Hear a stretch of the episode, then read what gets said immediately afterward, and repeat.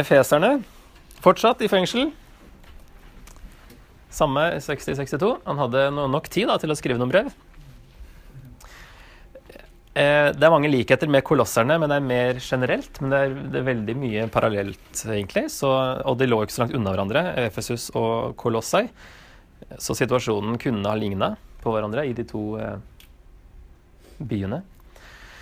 I Apostlenes gjerninger 19, når han er i Efesus, så står det da blant annet eh, Altså det var et sånt, man kan kalle det et åndelig, en åndelig fornøyelsespark Efesus. Det var utrolig mye forskjellig religion å velge mellom. Eh, det var, altså vi leser da i Apostelens gjerninger at det var åndemanere der, blant annet, og at de brente svartekunstbøkene sine for 50 000 sølvpenger, som skulle bli noe ca. Sånn som 250 millioner kroner. Eh, stor sum. Så de hadde ganske mange svarte bøker. Og at eh, en sølvsmed som het eh, Demetrios, laget små miniatyrutgaver av Artemis-tempelet, som også var byens stolthet og at det var da god business. Så det var veldig, veldig religiøst og en sånn frykt for åndelige krefter, egentlig. De trodde at alle områder av dagliglivet var under eh, innflytelse av forskjellige ånder. Og de var redde for disse. Selv om de hadde blitt kristne, så var de kanskje litt sånn usikre på om Jesus egentlig var over alle disse her.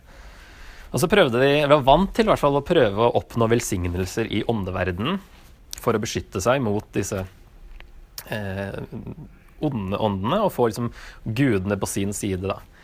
Spesielt Artemis, som da var denne Efesus' store beskytter. Hun kunne da, De trodde hun kunne bryte skjebnens gang og beskytte mot ånder. Så det var mye sånn manipulering av guder og sånt for å få eh, beskyttelse.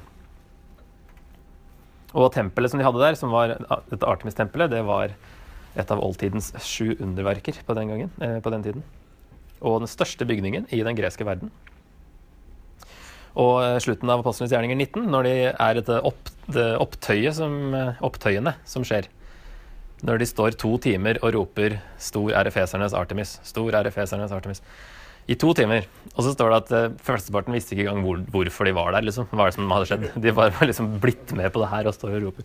Men alt det der bare fordi uh, ja, all, ja, det er han Demetrios, han som lager disse Artemis-templene som uh, sier at uh, Paulus får overtalt og villedet store folkemasser. Og han sier at guder som er laget av menneskehender, ikke er guder. Og så blir det kjempeoppstyr rundt det, da. Så Paulus må fortsatt forklare dem at uh, Jesus er nok her også. De er beskytta i Jesus. Eller at det har kommet nye til, kanskje, i menigheten, som ikke har hørt dette her før. Så vi kan dele inn brevet veldig greit i to. Første tre kapitlene hva Gud har gjort for dem. Det vil også si hva de vet om Gud. Og kapittel fire til seks hvordan de da bør leve. Egentlig litt samme som romerne, en sånn inndeling. For her òg, etter uh, å ha snakket uh, altså mest teologi da, i tre kapitler, så begynner kapittel 4 med 'så', som er en sånn derfor, egentlig. Lev verdige liv på grunn av alt det som Gud har gjort. Det kan vi jo kalle uh, som en tittel. Så han sier at de har allerede fått all åndelig velsignelse i Jesus, i kapittel 1, som er egentlig én lang setning. Eh, altså ikke hele kapittelet, men vers 3-14 eller sånt noe, er én lang setning der Paulus bare ramser opp alle velsignelser de har allerede, fordi de tror. Så det er ikke noe vits å mase etter mer. Og at de allerede sitter i himmelen sammen med Jesus, sier han. Og Jesus er over alle makter og myndigheter, så det er ikke noe å være redd for. Så masse åndelig frykt og jag etter velsignelser, men de har, de har allerede alt, sier eh, Paulus. Og det er jo ikke da tilfeldig at det er her han skriver om Guds fulle rustning, og ta på seg den, så du kan stå imot disse åndelige angrepene. Så det var veldig mye åndelige angrep akkurat der.